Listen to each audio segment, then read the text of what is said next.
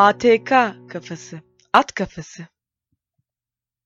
Efendim merhaba ben Ahmet Turan Köksal sizinle ATK kafasını yani Ahmet Turan Köksal kafasını yaşayabileceğiniz podcast serisine devam ediyoruz. Bugünkü konumuz virüsten sonra biliyorsunuz virüs e, hepimizi eve tıktı. Ben de risk grubundayım. Şu ana kadar yani hastalığın etini görmedim ama gelin görün ki evden çıkmıyorum. Bu benim sevdiğim bir şeydir. Ben zaten oturayım sabahtan akşama kadar yazı yazayım, kitap yazayım, buçuk kaçık şeyler yapayım. Çok da fazla projem birikti. Bunlar para kazandırmıyor ama zaten dışarı çıkıp para kazanacak bir durum yok. Ben bu işleri severim aslında. Evde oturup kendi kendime yetmeye bayılırım yani. Okuyamadığım kitaplar var. Mesela Afşin Kum'un iki kitabını şu anda hüpletiyorum. Çok mutluyum. Sonra seyretmenin bazı filmler vardı. Onları seyrediyorum. Seyretmekten çok mutluyum. İşte biraz podcast düzeltiyorum. Evet önceki podcastleri çok ı ı falan diyormuşum. Düzelttim. Yani çok fazla e demişim. Boşluklar olmuş.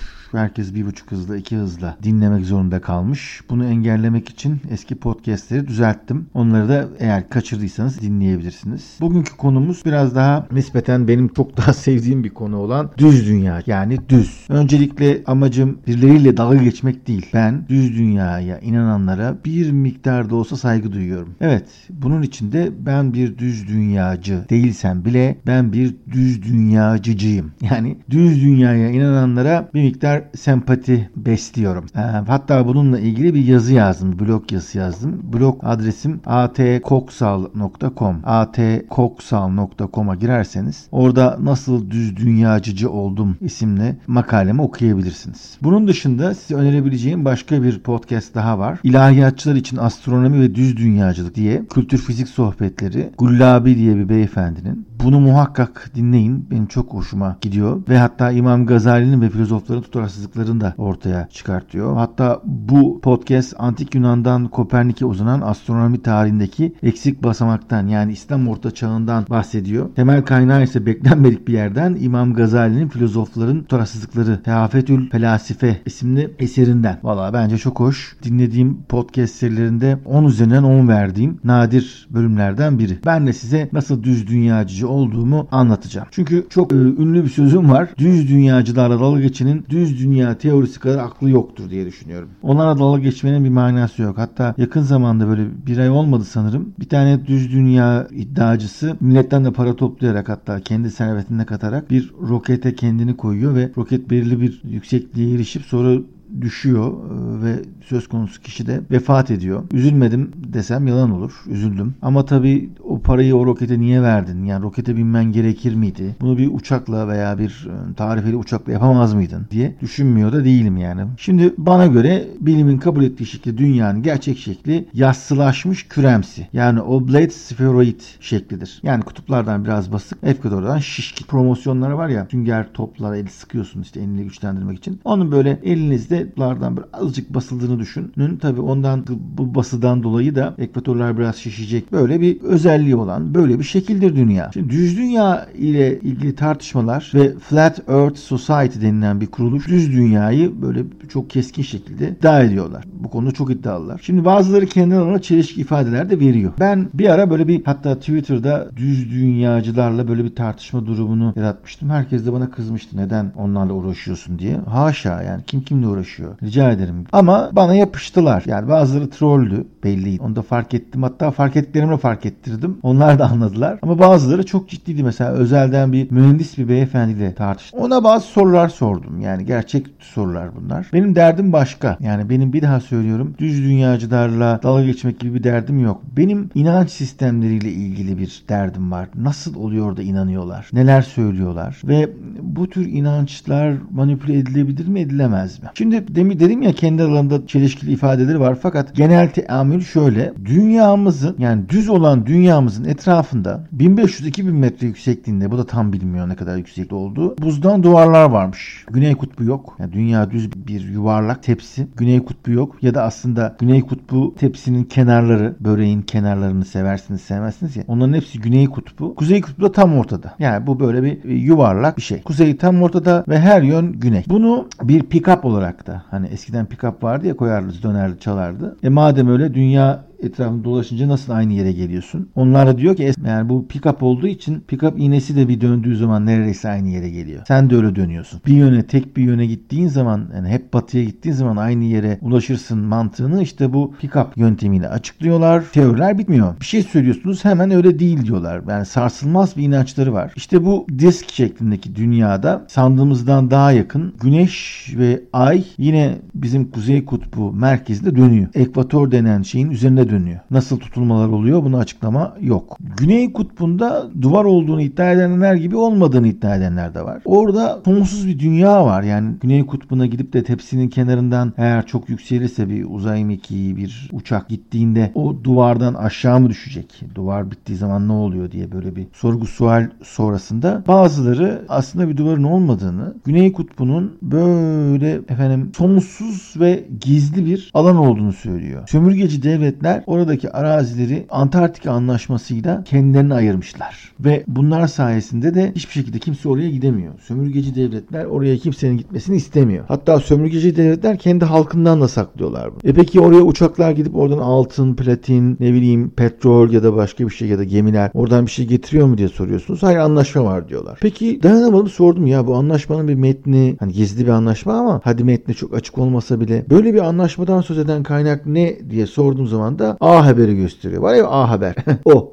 hani A Haber diye kanaldaki bir hmm, Neyse gülmemem lazım. Evet söz vermiştim. Tabi bunun dışında insanlığın uzaya gitmediğini uydu denen şeyin yalan olduğunu da söylüyorlar. Yani iki yarı farklı kürede görünen yıldızlar konusunda da garip açıklamaları var. Onlar da yukarı asılı yıldızlar ama sabitler. Şimdi bazılarının sadece bir tarafı parlak. Öbür tarafı parlak olmadığı için gözükmüyor diğer yarı kürede. Hmm.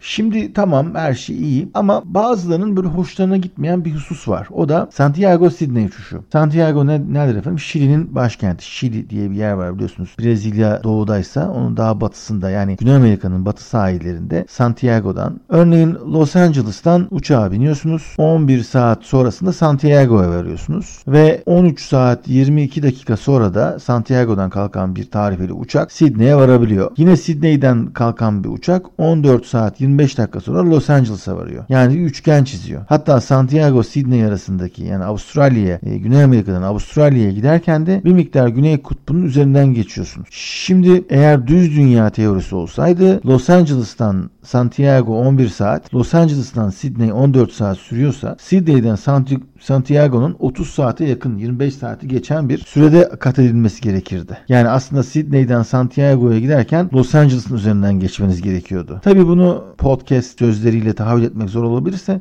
A.T. Koksal'daki Nasıl Düz Dünyacıcı Oldum makalesine göz atabilirsiniz. İki tane resim koydum. İşte bunu gösterince bazı düz dünyacılar nispeten troll olmayanlar böyle bir hmm diye susuyorlar. Susmayanlar da şunu iddia ediyor. Efendim Sydney ile Santiago arasında girişte o tepsinin kenarından gidiyormuş. Önce güneye doğru gidip tepsinin kenarına yani güney kutbuna yaklaşan uçak sonra güney kutbunun üzerinden geçemediği için Antarktika anlaşması olduğu için böyle diskin kenarını yalayarak bayağı uzun bir yolculuk devam edip sonra yeniden kuzeye gelip e, Santiago'ya geliyormuş. Bak sen. E dedim bu senin çizdiğin neredeyse 50 saat bir yolculuk. 50 saat nasıl bir uçağın yakıtı dayanır? Dayanamaz. O uçakları özel yakıt deposu varmış. Bunu açık açık söylüyor. E nasıl ya? Yani bunun, bu, bunların peki altında bir kargo bölümü yok mu? Yokmuş. E zaten bütün pilotlar, bütün Google Earth'te çalışanlar bunların hepsi sahtekar. Onlar devamlı dünyayı kandırmakla meşguller. O uçuşta uçağın hızlı uçtuğunu, küre dünyaya hızını uydurduğunu, iki şehir arası 18 bin kilometre uçak saatte 1500 kilometre hızla gidip 12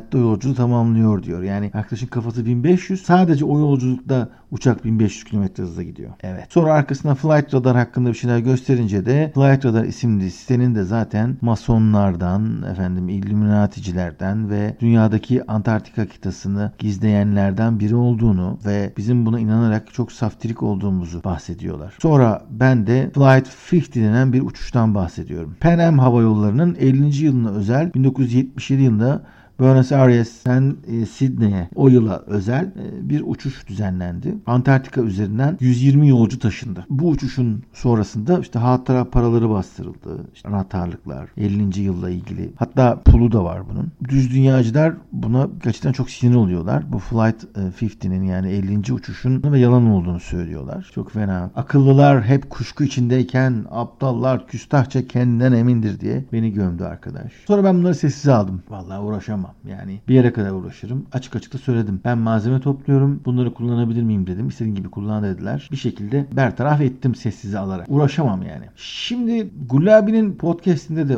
dinleyebilirsiniz. Bundan 1500 yıl önce Batlamyus dünyanın kür olduğunu biliyor. Bunu söylüyor, yazıyor. Düz dünyacılık o zaman da vardı. Bu zaman da var. Ama çağdaş düz dünyacı dediğimiz bu YouTube'cu tayfa ki ben hala sempati besliyorum bunlara. 1800'lerin ortasından sonra hortladı. Yani ayrıca şimdi dergilerinden falan filan bahsedeceğim. Zetetik diye bir dergileri var. Zetetik dünya görüşünü bir İngiliz mucit ve yazar uyduruyor. Bu beyefendi 9 yaşında okulu bırakmış. Ama mucit 1849'da 16 sayfalık bir Earth Not a Globe e, denilen bir broşürü Parallax adıyla yayınlanmış. Ve ondan sonra kitap çıkarmış 1865'te de Düz Dünya. Yani bundan önce öyle bir dernek, mernek, Düz Dünya grubu, böyle bir topluluk falan filan yok. Yani bunu üreten bu arkadaş yani Rowbatham e, İngiliz mucit 6 penny verene ders veriyormuş bu dünyanın düz olduğu hakkında. Oldukça üretken biri. Biraz da değişik bir özel hayatı var. 16 yaşındaki çamaşırhanecinin e, kızını ikinci karısı olarak aldıktan sonra toplamda 14 çocuğu olmuş. Bir de yaşamayanlar var bunun. Kadın asıl çok üretkenmiş. Neyse bu adam Bedford nehrinde bir deney yapmış. Yaklaşık 6 mil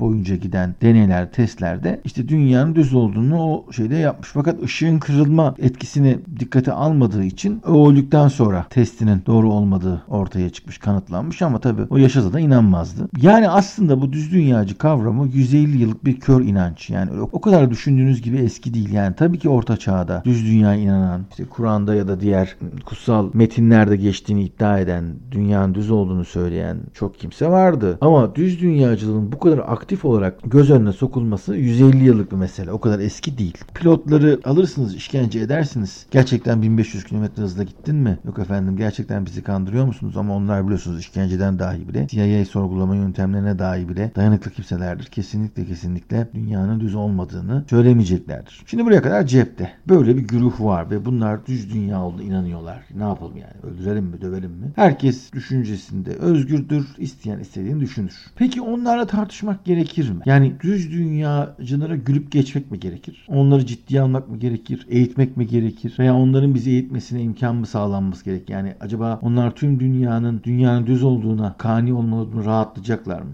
Başka bir şey bulmayacaklar mı? Ondan sonra chemitrail başlar ya da başka şeyler başlar. Şimdi onlarla tartışmanın bazı yöntemleri var. Onları sıralayıp birincisi bir düz dünyacının ne kadar çok ve kuvvetli kanıtla bir şekilde çürütmeye kalkarsanız onun inancından vazgeçmesi mümkün değildir. En fazla en fazla açıklamadığı bir konuyu görmezden gelir. Yoksa bir tek kanıtla inancının yerle bir edilmeyeceğini söyler. Yani diyelim ki bir tek kanıtı kabul etti. Hani bizim şu Santiago Sydney uçuşunu kabul etti. Ama bu tek bir kanıt. Yeterli ki. 17 tane falan mı kanıt koymak lazım üstüne önüne bilmiyoruz. Ama böyle bir kazanan yoktur yani heveslenmeyin. Yani bir düz dünyacıyı küre dünyaya döndürmeniz çok mümkün değil. Siz de sinirlenmeyin. Sinirlenecek bir şey yok. Düz dünyanın da bence bir sısı yok. Dünya düz olabilir. Ve bunlara üçüncü olarak şaşırmayın. Yani onlar her şeye inanabilirler. Yani kimseyi dinlemezler. Hatta bütün dünyanın onları onlar doğruyu bildiği için onları kandırmaya gelenler yani aslında böyle çok az bir şizofrenik bir durum var ama hafif. Onlarla herhangi bir iddiaya girmeyin. Boş boşuna şöyle olsa şunu vereceğim, böyle olsa bunu vereceğim deyin. Hedeyin geçip gitsin. Yani onları toplayıp da gerçekten Sydney Santiago arasında bir uçuş düzenleseniz, bilabeden onlara verseniz bile fark edecek bir şey yok. Hatta dünyanın düz olduğunu iddia edenlere sinirlenmiş bir tane komutan, havacı. Bunları uçakta almış, bir yerden bir yere götürmüş ve bayağı da yükseltmiş uçağı. Yüksek irtifadayken bakın demiş dünya yuvarlak mı düz mü? Koskoca komutan öyle sarıklı şeyh tipleri almış uçağa koymuş. Zorunlu olarak bunlar havada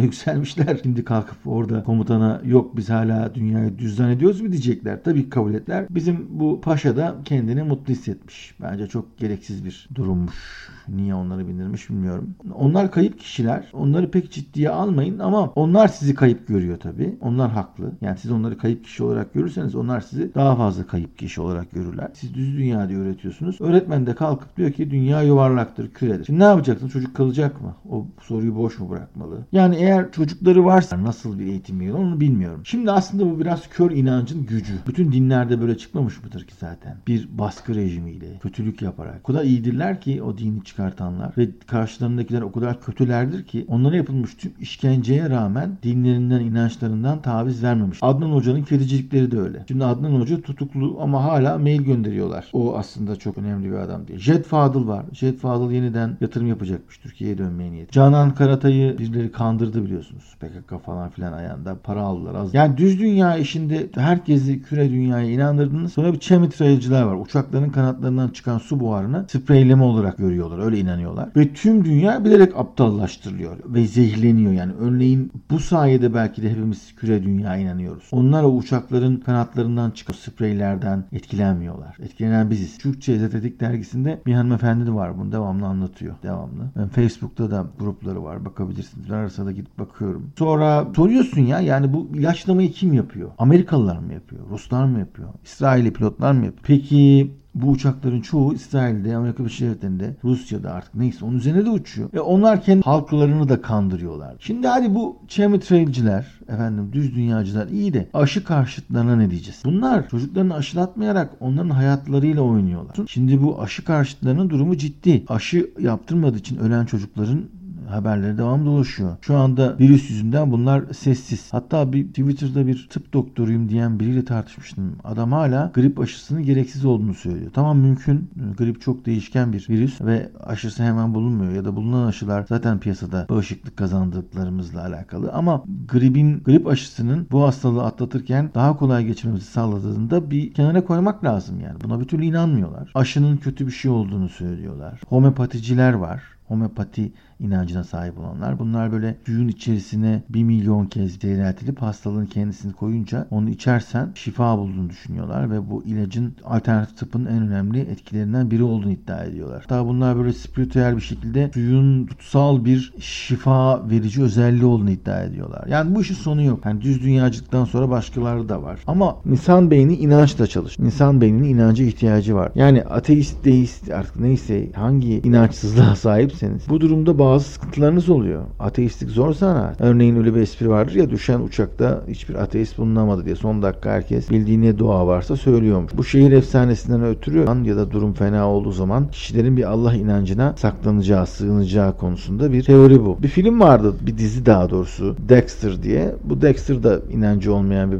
bir bey. Mesai içerisinde bir adli tıp uzmanı yani bildiğiniz polis ama mesai sonunda da part-time serial killer yani seri katil. Daha doğrusu doğrusu hukukun, adaletin e, boşluklarından faydalanıp kanıtsızlık yüzünden milleti öldüren, millete kötülük yapanları kendi yöntemleriyle kesip biçiyor. Onlardan bir kan örneği alıyor, bir lama koyuyor ve ayrıca bir de nasıl polis memuruysa acayip bir yatı var. Yatıyla götürüp bunu okyanusa atıyor falan filan. Bir bölümünde bunun bir oğlu var. Bir şekilde oğlu olmuş. Oğlunu çok seviyor. 3 yaşında böyle çok sevimli bir oğlan. 3-4 yaşında. Bu çocuğun bağırsağında bir sorunla karşılaşılıyor ve hafta sonu öncesinde bir konsül konsültasyon yapılıyor. Çocuğun bağırsağında ya basit bir iltihaplanma olacak ve basit bir şekilde e, düzeltilecek bir tedavisi var. Ya da tedavisi olmayan 15-20 gün içerisinde çocuğu ne yazık hayatını kaybettirecek büyük büyük bir çok tehlikeli bir kanser başlangıcı olduğu ortaya çıkacak. Çocuğu hastaneden gönderiyorlar evine. E, bütün hafta sonu beklemek zorunda. Pazartesi testler sonuçlanacak. E şimdi çocuğun ölmesini istemiyor. Bir Allah inancı da yok. E niye yalvaracak? Orada böyle bir gidip gelmeler yaşamıştı. Yani onu iyi gö göstermişti yönetmen,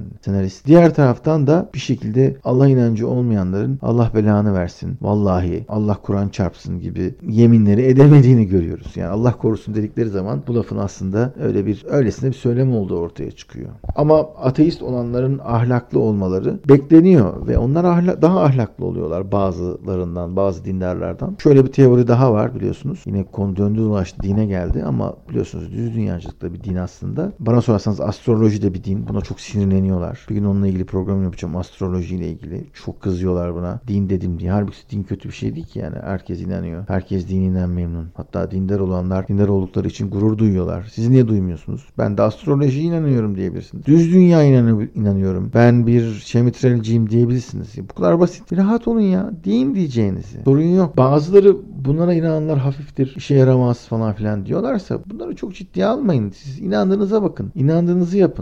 İnanç özgürlüğü var. Denize inanabilirsiniz. Ama şunu da bilin. Din tüm insanlığın gelişmesi için çok ciddi bir hareket ortamı oluşturmuş. Ruhani liderler, işte papazlar, imamlar, hocalar, hacı hocalar sayesinde bu şey karar haline getirmiştir. Böyle bu kadar savaşlar, böyle yıkımlar din sayesinde olabilir. İki tarafta Hristiyan, iki tarafta Müslüman. Hatta aynı mezhep ama birbirlerini kırıp geçiriyorlar. İkisi de aynı Allah'a dua ediyor. Allah'ım bugün şehit olmayayım, bugün yaralanmayayım, bugün sakat kalmayayım diye. İkisi de aynı Allah'a, aynı kitaba, aynı dini duruma bağlılar. Müslüman Müslümanı kesebiliyor. Aynı şekilde Hristiyan Hristiyan da kesebiliyor. Tüm dünyada din olmadan ahlak sağlanamamış. Din aslında bir yaşam biçimi olarak kabul edilmiş. Şimdi modern dünyada işler değişiyor. Bundan sonra böyle bir virüsle karşı karşıyayken aşı karşıtı olmanın manası var mı bilmiyorum. Hala sessiz sedasız aşı karşıtları vardır da. Çünkü neden? Aşı sayesinde ilaç şirketleri üzerimizde inanılmaz paralar kazanıyorlar. Aslında bu hastalıkların hepsinin tedavisi var. Hepsinin var ama sırf para kazanmak için hem de aşıdan para kazanmak için bunu yapıyorlar. Aşıların çoğu bedava. Artık devletler aşıları bedava vuruyorlar.